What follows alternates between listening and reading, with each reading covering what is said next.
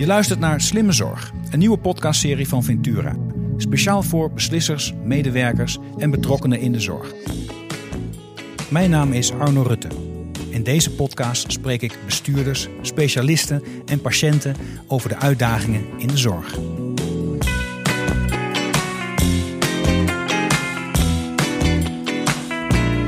Sinds het overlijden van mijn broer en mijn vader aan kanker zet ik mij iedere dag in om goede gezondheidszorg voor iedereen te waarborgen.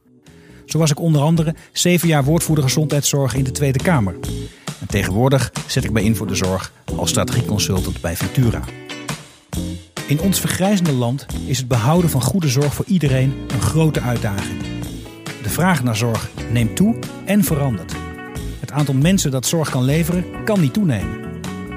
Als we niets doen, loopt de zorg vast in een zorginfarct. Daar maak ik mij druk op. In deze podcast ga ik samen met mijn gasten op zoek naar de oplossingen waarmee we het zorginfarct kunnen voorkomen. Mijn gast van deze aflevering is Jannie van den Broek. Zij is directeur Value, Access and Policy bij de Nederlandse vestiging van Amgen, een biotechnologiebedrijf dat in meer dan 100 landen werkzaam is. Jannie zet zich op allerhande manieren in om Amgen Nederland te transformeren van een bedrijf dat succesvolle geneesmiddelen levert naar een bedrijf dat bijdraagt aan succesvolle behandelingen die verder gaan dan geneesmiddelen alleen. Amgen wil uiteindelijk beloond worden op basis van het resultaat van deze behandeling op de uitkomsten voor patiënten. En dat is in lijn met de principes van value-based healthcare, oftewel waardegedreven zorg.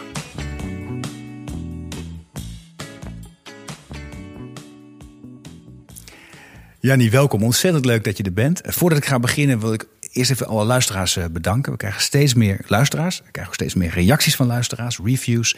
Um, ik zou zeggen, laat dat vooral uh, alles weten wat je ervan vindt. Houdt in ieder geval ons als makers enorm gemotiveerd. En volgens mij, Jannie, ben jij ook een luisteraar?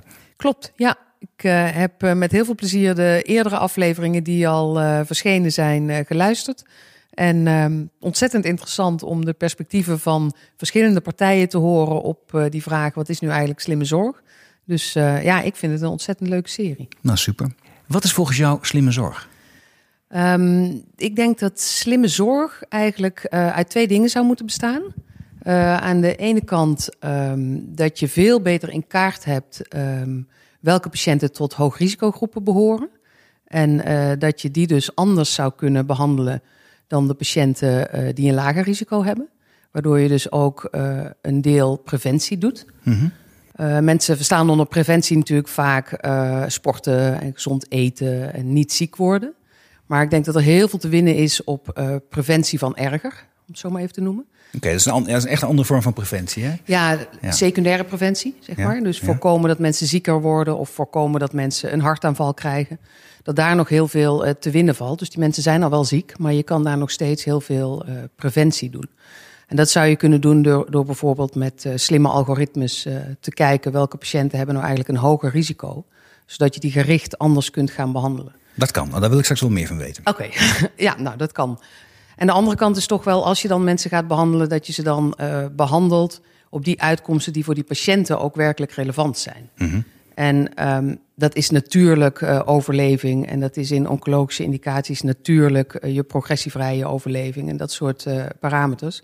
Maar er zijn ook heel veel patiëntgerelateerde uitkomsten die van belang zijn en die eigenlijk soms helemaal niet meegenomen worden. Okay. En daar kun je ook nog best wel veel winst op behalen. Is bijvoorbeeld een heel mooi onderzoek van Willem-Jan Bos gedaan. Mm -hmm. Is een nefroloog in het Antonius ziekenhuis werkt Dat zijn nieraandoeningen. Nee, Klopt, de nefroloog ja. behandelt inderdaad nieraandoeningen. Mm -hmm. En als de nieren het niet meer doen, dan is natuurlijk op een gegeven moment de stap naar dialyse gewenst. De zwaarste zorg die je eigenlijk maar kunt krijgen. En dialyse Heel duur ja, ook. Enorme impact op je leven.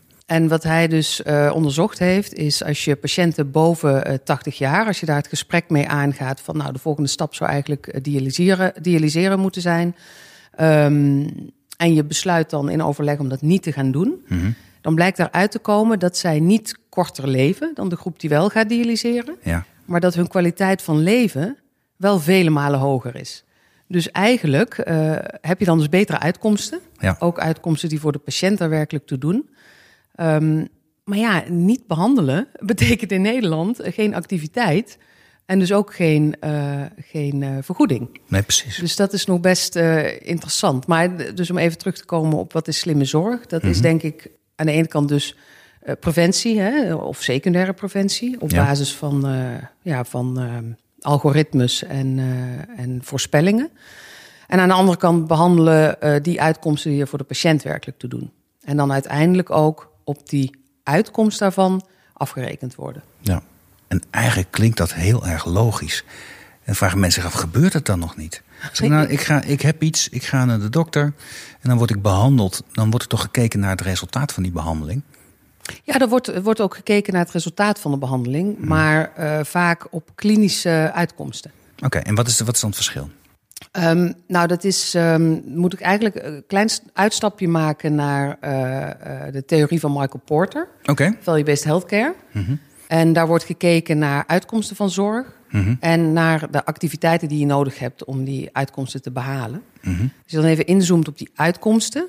Um, daar is een uh, internationale organisatie op een gegeven moment mee bezig gegaan. ICHOM ja. heet die organisatie. Ja. En die houdt zich bezig met het maken van standaard uitkomstensets. Okay. En dan denk je, hoe moeilijk kan dat zijn? Je kan toch voor een ja. indicatie wel ongeveer op de achterkant van een bierveeltje uitrekenen of opschrijven wat de uitkomst zou moeten zijn van die zorg. Ja, genezen bij voorkeur, hè? Dat is altijd fijn. Ja, dat is fijn. Of niet ja. doodgaan, dat is ja. vaak ook heel fijn. Ja, die kennen we wel, hè? Dus, dus dat, uh, ja. Nee, maar zonder dolle, maar dat is de eerste waar mensen aan denken natuurlijk. Precies, ja. maar eh, wat ze dus bij iTunes doen... daar hebben ze een standaard aanpak om zo'n uitkomstenset te maken. Mm -hmm. En die nodigen daar meerdere partijen voor uit. Onder andere ook de patiënt. Mm -hmm. En dan blijkt dus dat de patiënt vaak andere dingen belangrijk vindt. Uh, die zijn vaak angstig, uh, die hebben pijn... Hun kwaliteit van leven is achteruit gegaan. Ze kunnen hun dagelijkse boodschappen niet meer doen. Die hebben naast natuurlijk hele belangrijke klinische uitkomsten ook is voor hun ook heel belangrijk wat dat noemen ze dan PROMS, Patient Reported Outcome Measures. Ja. Wat er op die PROMS gebeurt.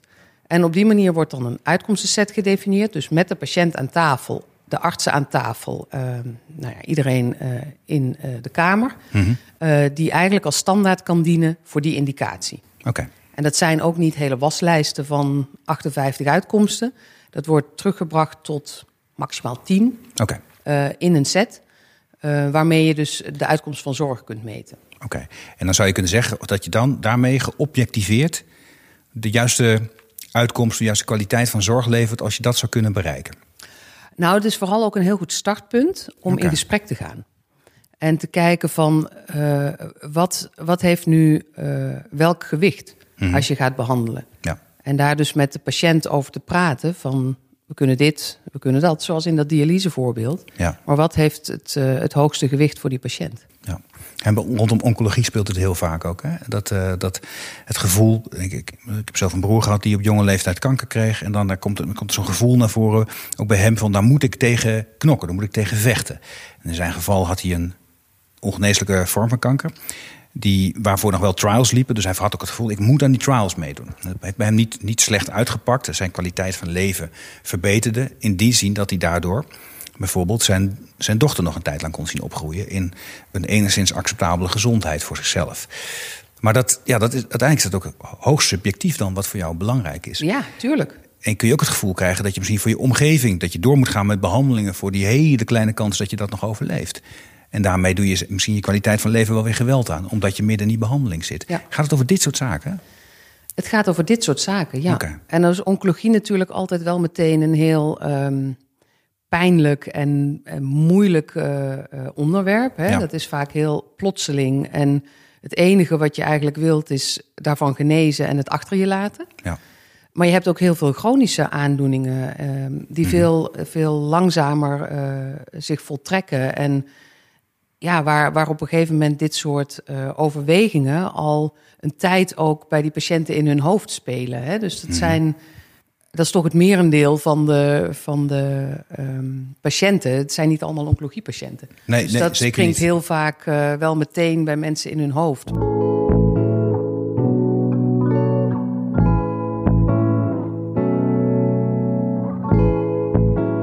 In de vergrijzende populatie uh, zijn dat juist steeds meer mensen die chronische aandoeningen ja. hebben. Ik denk altijd aan, uh, aan steeds mensen die problemen krijgen met het bewegingsapparaat. En op het moment dat je niet meer goed kunt bewegen, is dat de grootste aanjager voor verlies van kwaliteit van leven. Ja. Altijd pijn, je komt niet meer vooruit, je, je grotere kans op diabetes, omdat overgewicht toeneemt, et cetera. Maar daar zie je wel, volgens mij iets wat je net ook aanraakte, dat als je, als je niet goed naar kijkt naar uitkomsten en ook niet um, in je financiering mogelijkheid biedt om anders te behandelen, niet te behandelen, dat je misschien wel de verkeerde dingen doet. Ja. Ik moet altijd denken aan, aan, aan mensen, aan, aan ouderen met pijn in de heup. Ja, als je die naar een orthopeed stuurt, dan eindigen ze met een nieuwe heup. Maar van die nieuwe heup, met die nieuwe heup moet je ook nog gaan revalideren. Uiteindelijk, de onderliggende probleem, ik beweeg te weinig en ik heb pijn, had je wellicht op een andere manier kunnen Ja. oplossen. Ja. En, kom, en als je dat nou wil doorbreken, wat is daarvoor nodig, denk je, Jannie? Ehm, ja, het is heel makkelijk om, om meteen te roepen, dan moet het systeem anders. Hè? Dus dan moet het systeem... Ja, nou, Oké, ingericht dan wordt het systeem anders, maar dan gaan we het daar eens over hebben. Wat moet er anders in het systeem? Nou, ik wou eigenlijk zeggen, dat is heel makkelijk. Oké, Maar binnen het systeem eh, kun je ook al heel veel dingen doen. Oké. Dus binnen het bestaande systeem kun je ook al wel naar afspraken op basis van uitkomsten.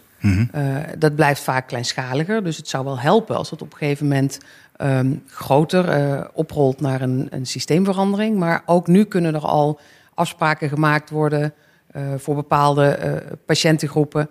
Dat je bijvoorbeeld gaat kijken naar kunnen wij voor deze patiëntengroep een bundel afspraak maken. Hè? Dus die indicatie, daar betalen we één bedrag voor, voor die patiënt.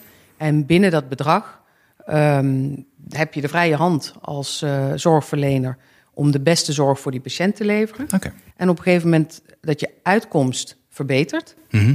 dan eh, mag je het, het verschil eh, mag je houden. Eh, hè, dus het shared savings, shared risk model. Daar zijn best wel veel dingen mogelijk. Oké. Ken je daar voorbeelden van, waar het al gebeurt?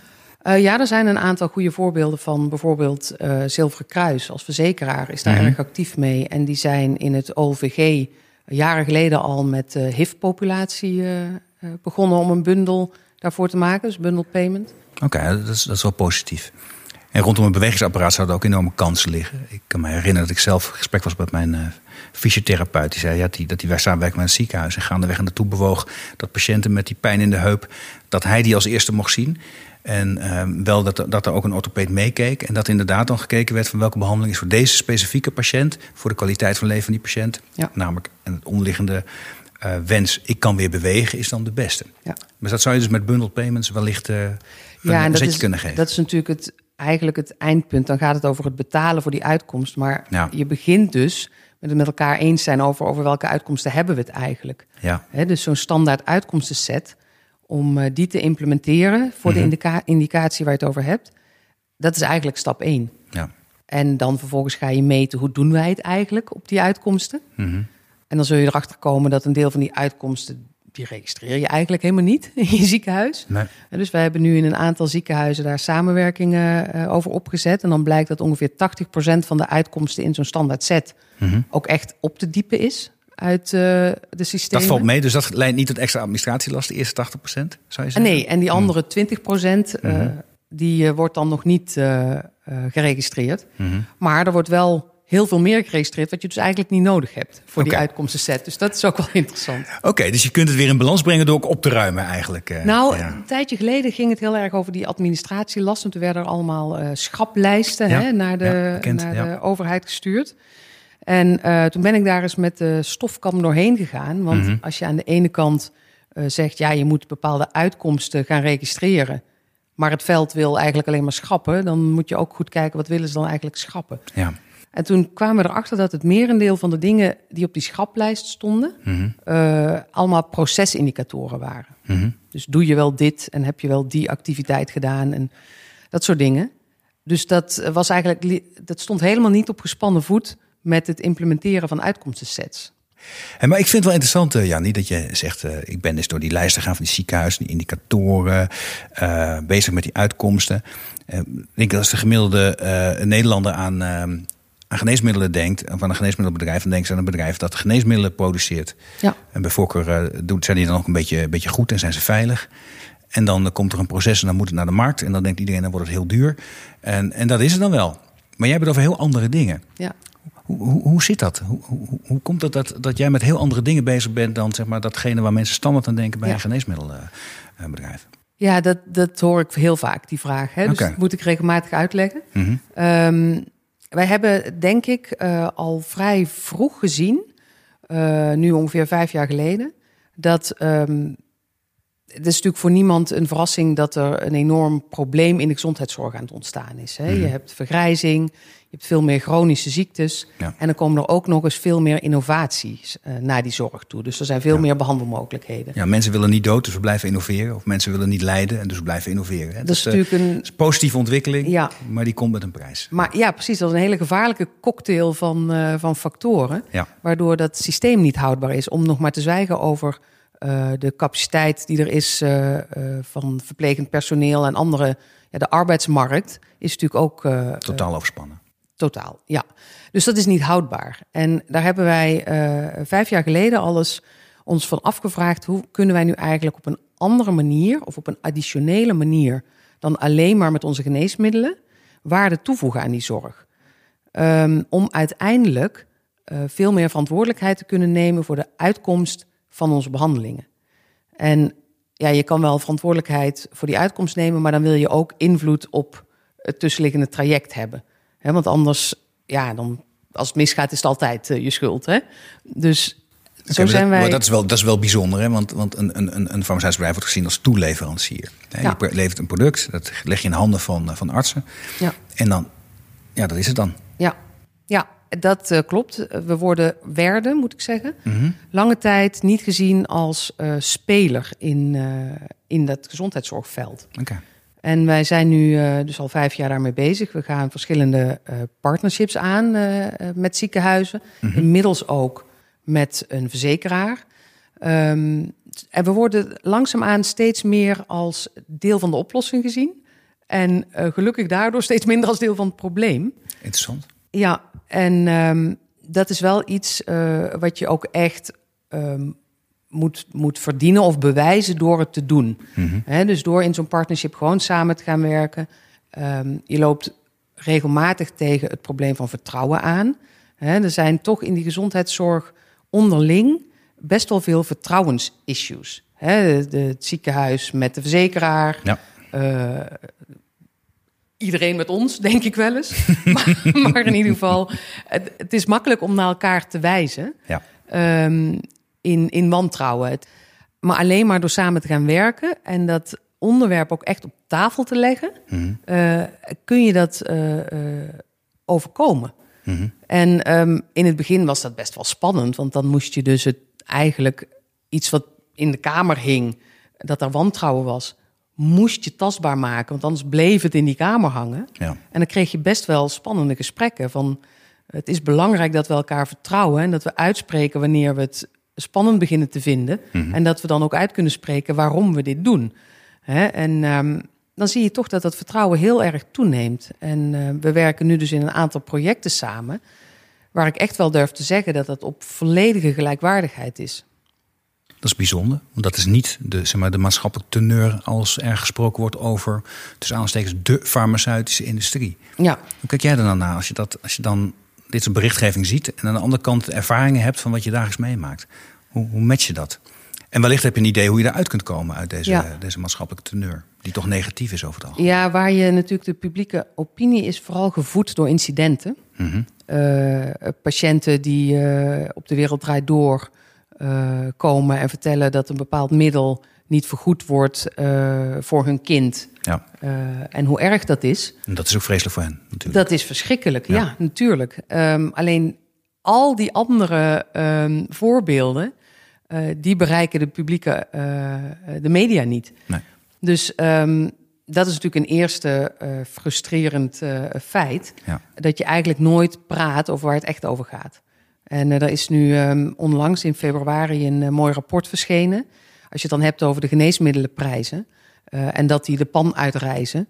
Ehm, dat is een rapport van Deloitte, waar gekeken is naar hoe zit dat nu eigenlijk als je daarop in gaat zoomen. Hè? Mhm. Eh, en dan blijkt inderdaad dat de eh, kosten voor geneesmiddelen gestegen zijn, maar dat die stijging volledig voor rekening is van het gestegen volume. Ja. Dus we zijn veel meer patiënten gaan behandelen. En de kosten per patiënt, die zijn zelfs met 12% gedaald. Ja. Dus die geneesmiddelen zijn echt behoorlijk wat goedkoper geworden. Ehm, maar ja, dat, dat uh, hoor je eigenlijk nooit hè, in uh, het publieke nee, debat. Nee, weinig. Nee. En dat, maar dat, komt, dat, komt, ja, dat heeft te maken met welke voorbeelden in de pers komen. Heeft ook al te maken met een, met een soort enorme bezorgdheid over de, wat er nog aan zit te komen in de pijplijn. Ja. Die, dat, is, dat is dat apart wat je net noemde. Uh, namelijk dat, dat aan de ene kant is het mooie is dat er heel veel aan zit te komen. Er kunnen lijken echt heel veel meer patiënten behandeld te kunnen gaan worden in de toekomst. In de nabije toekomst bijvoorbeeld. Met gentherapie en al dat soort zaken. Ja. Die in het verleden niet of heel slecht behandeld konden worden. Ja, dat, dat, dat, dat, dat drijft gewoon de prijs op. Hè? Ja. Uh, omdat je, ja, als je patiënt niet behandelt, is het een stuk goedkoper dan wanneer er een nieuwe optie komt. Ja. En, en, en dan de prijs van die, van die interventie, daar wordt, die is er ook bepaald niet laag over het algemeen. Dus dan, ja, dan, dat verklaart ook wel dat de discussie daar naartoe trekt. Maar jij zegt, er is veel meer dan dat. Uh, ja, natuurlijk gaat die discussie die kant in. Hè. We hadden het net al over um, het gesprek over niet behandelen. Ja. Dat zie ik wel voor me dat dat in de, in de toekomst een uh, meer prominente plek gaat krijgen in de spreekkamer.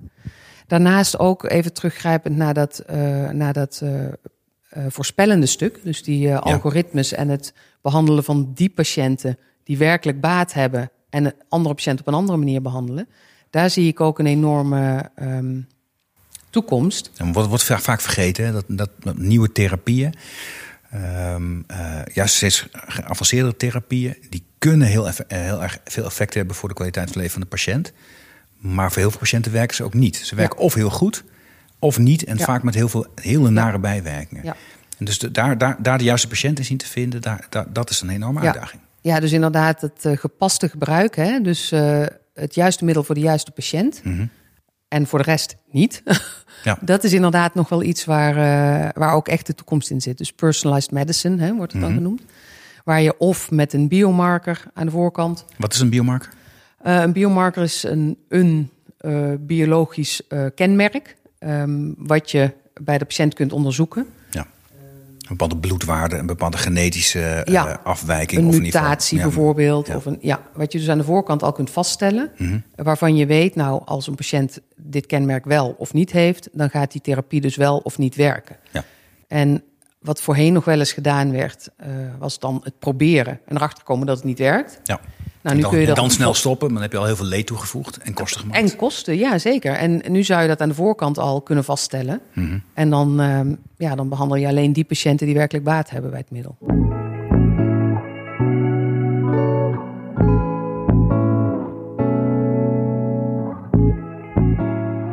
Nou ja, en daar, daar zit een enorme ontwikkeling in. Hè. We hebben nou de DRUP-studie, geloof ik. Hè, Ja. Waarin echt heel gericht uitbehandelde eh, eh, kankerpatiënten de kans krijgen om een genetisch profiel te maken. En op basis van dat profiel alsnog toegang zouden kunnen krijgen tot een therapie voor een hele andere vorm van soort van kanker. Ja. Die voor in één keer effectief zou kunnen zijn. Ja. Dus er gebeurt heel veel op dat gebied.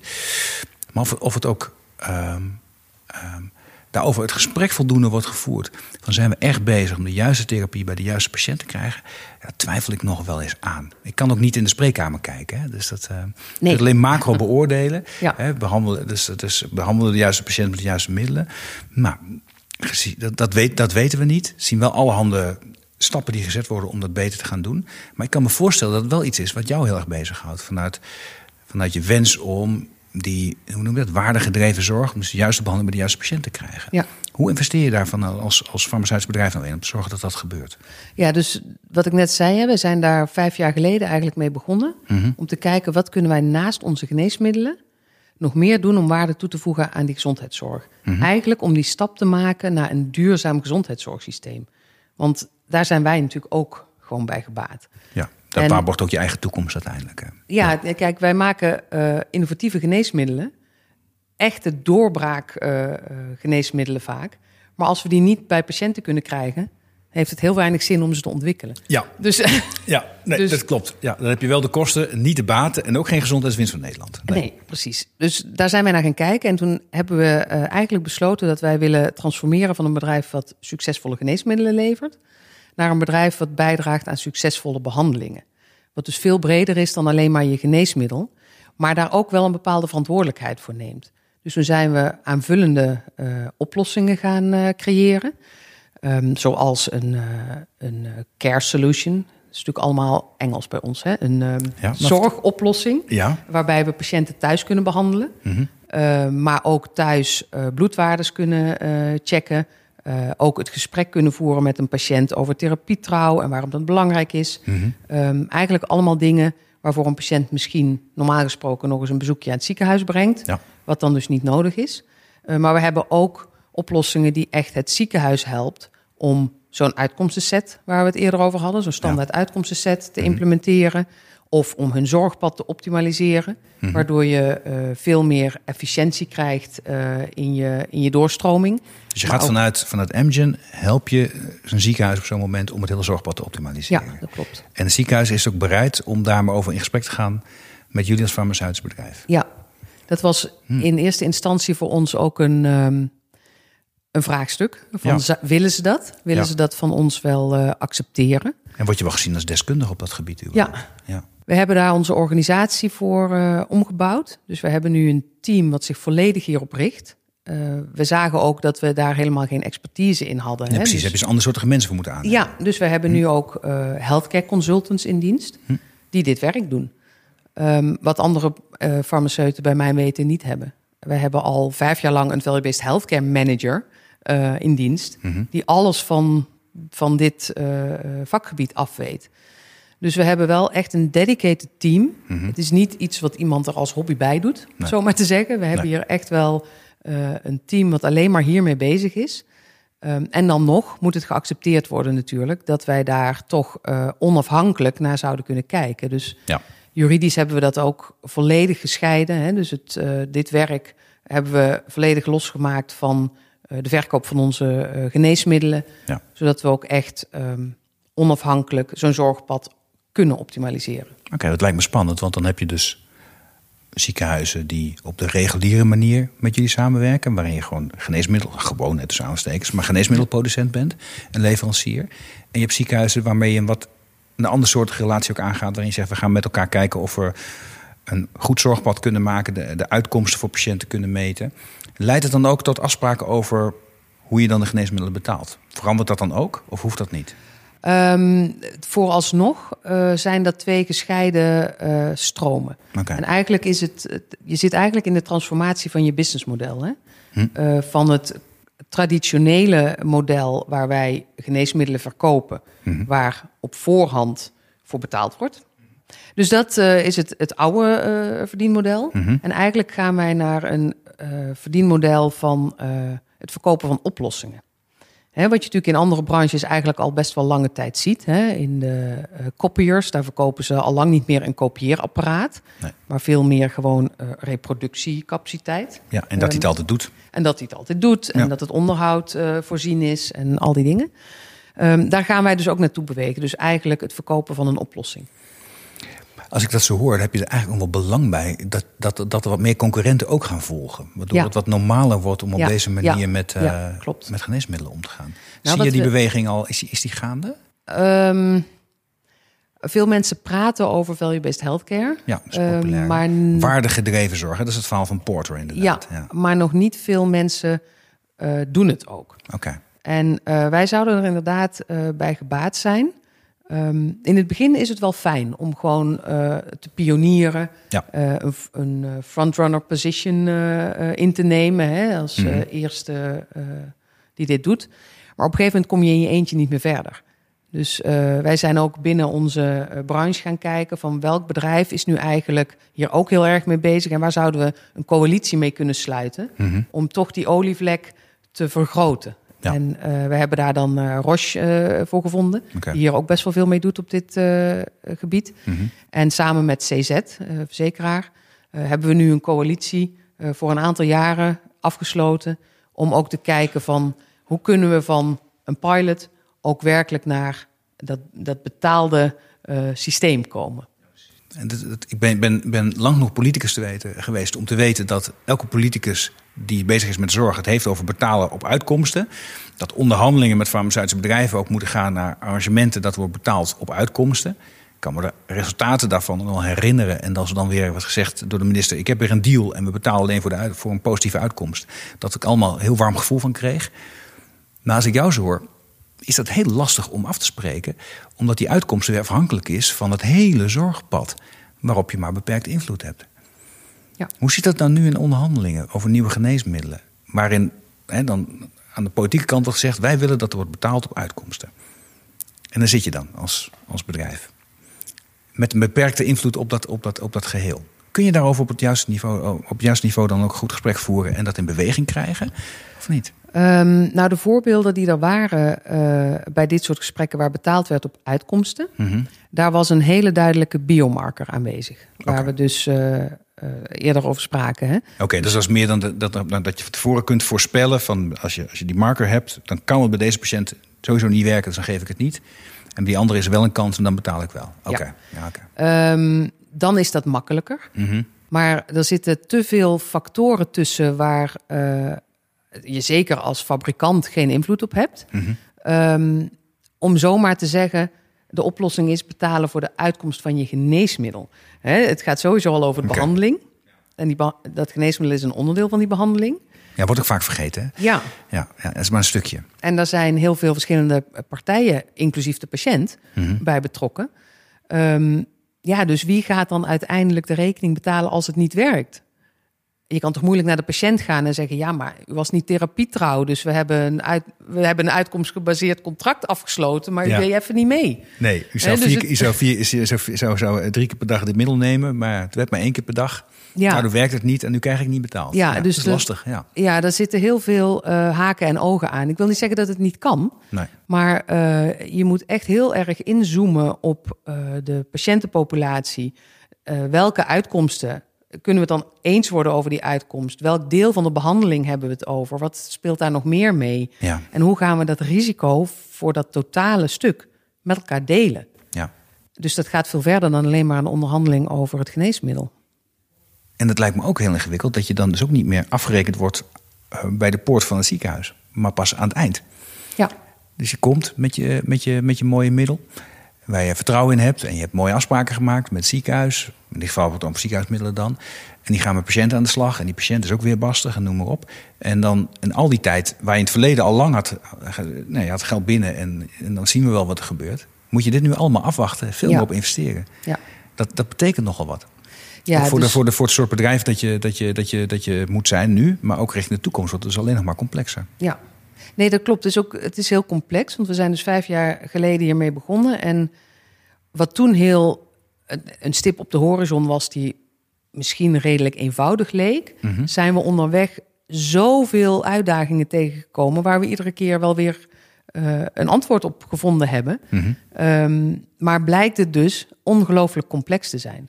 En we hebben onszelf het doel gesteld om in 2022 een eerste uitkomst eh, gebaseerd contract te hebben.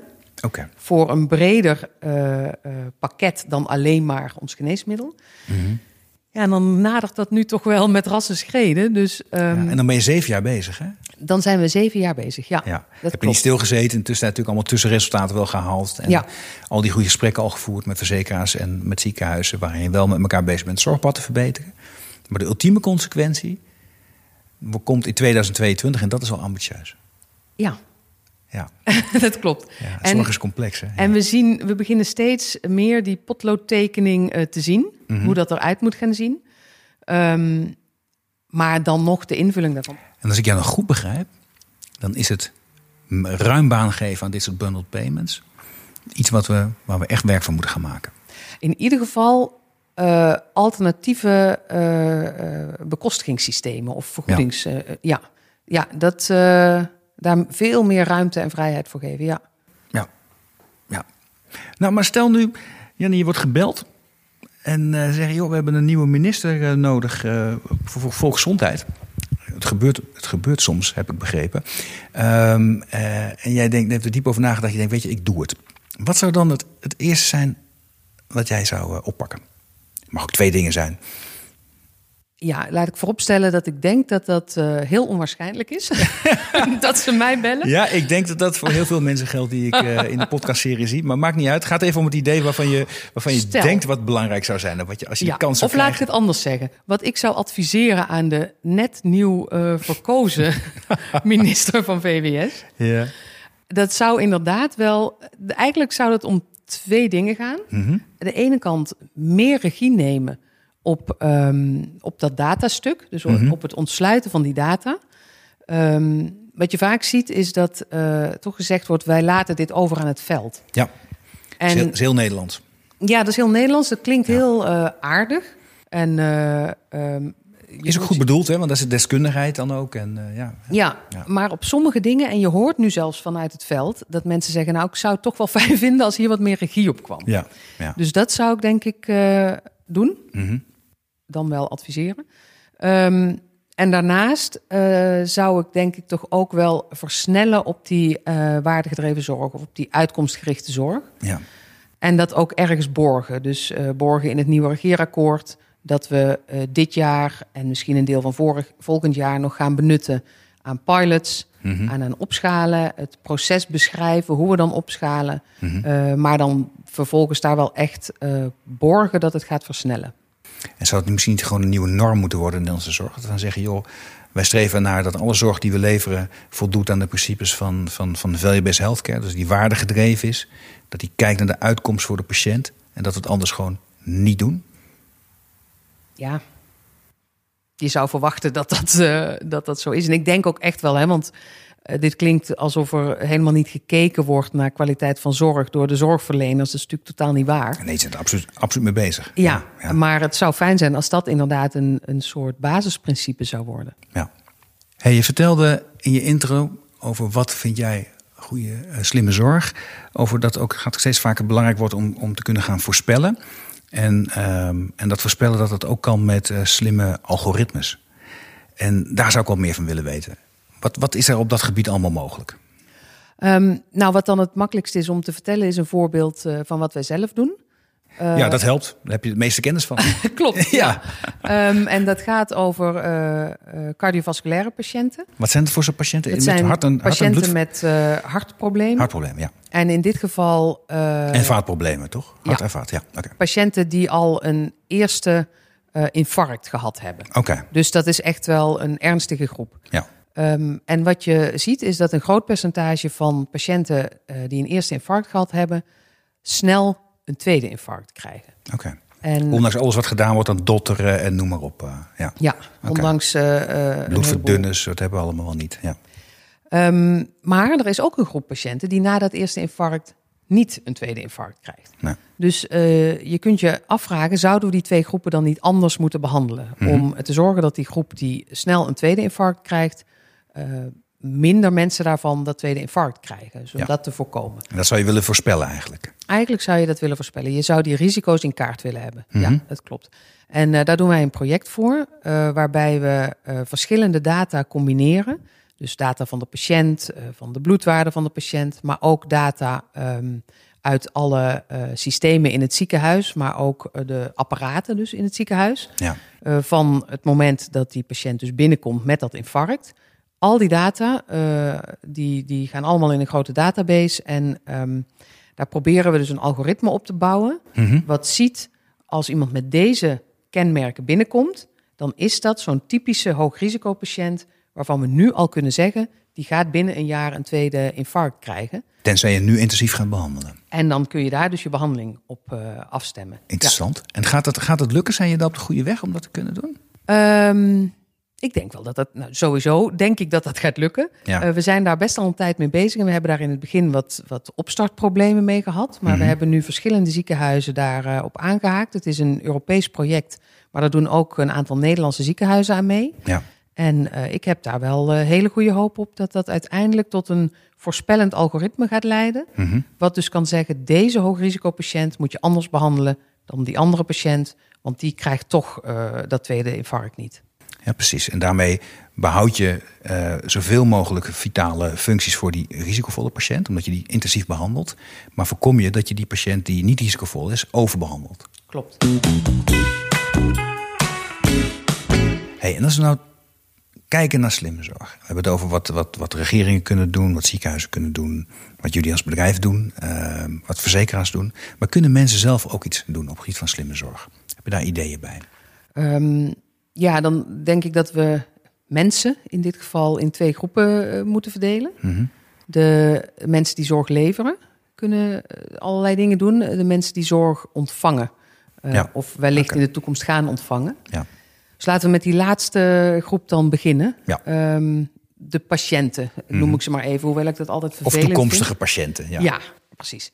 Ehm, we zijn allemaal patiënten, we slikken allemaal eens een paracetamolletje. Maar, Ja. eh, maar goed, het kan ook ernstiger worden dan dat. Ja. Ehm, en wat me op, eh, opvalt, ik ehm, werk nu al lang, meer dan twintig jaar in eh, de farmaceutische industrie, in Mhm. allerlei rollen. En altijd in onze strategische plannen eh, schrijven wij op dat die patiënt mondiger wordt, veel meer mee gaat beslissen. Ja, ik lees het ook overal. Ja. Ja, dat hij via internationale netwerken tot allerlei informatie toegang heeft. Ja. En via app zichzelf gaat managen, dat lees ik ook overal. Ja. ook al jaren. En toch, in de praktijk zie je daar heel weinig van terug. En er zijn best patiënten die dat doen. Mhm. Ehm, maar dat zijn vaak eh, de kleine groepen eh, en die hebben dan een ernstige aandoening. Maar het merendeel van de patiënten zijn toch eigenlijk mensen die ervan uitgaan dat eh, de arts de autoriteit is.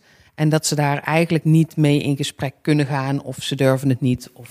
Misschien willen ze ook wel niet. Hè? Misschien Of wil ze je wel kunnen niet. overleveren aan iemand die deskundig is. En dan hoop je dat het goed komt. Ja, wat ik wel denk. ehm, ik was vorig jaar op eh, eh, een event, de Value Agenda voor Nederland. Mhm. Ehm, dus ieder jaar in mei. Dit jaar is het natuurlijk helaas niet doorgegaan. Mhm. Ehm, en daar waren ook drie patiëntsprekers. En uit hun verhaal was eigenlijk één rode draad te destilleren. Ze hadden alle drie een ernstige aandoening. Mhm. Ehm, en alle drie eh, hadden zij de uitkomsten gekregen die zij wilden van hun behandeling. Door eh, heel erg persoonlijk leiderschap te tonen. Ja. Dat is natuurlijk een enorme term uit het bedrijfsleven. Maar eh, persoonlijk leiderschap is denk ik wel... eh, dus eigenaar zijn van je, van je aandoening, van je behandeling... van eigenlijk van je leven met die aandoening. Ja.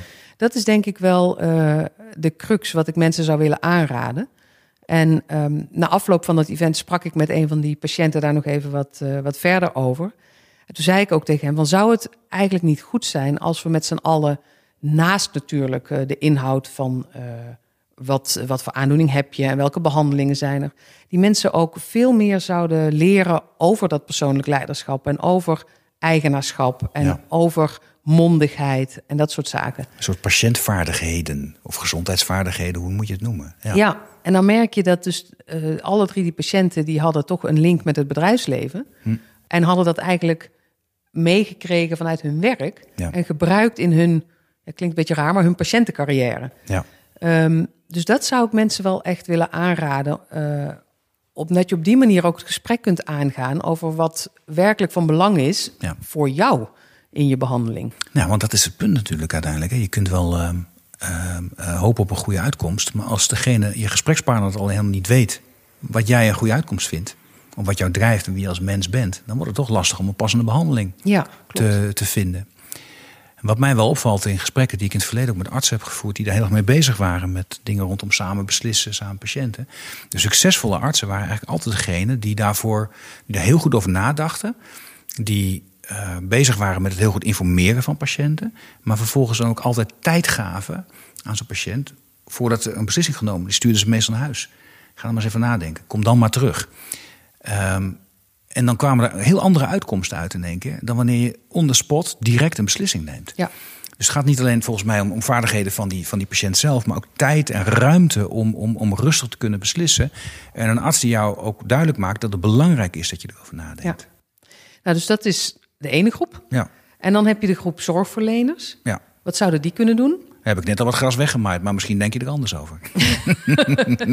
Die zouden dat gesprek aan kunnen gaan. Ja. Maar die zouden ook, en dat is waar wij dus nu ook al vijf jaar mee experimenteren, die zouden ook gewoon klein kunnen beginnen. Mhm.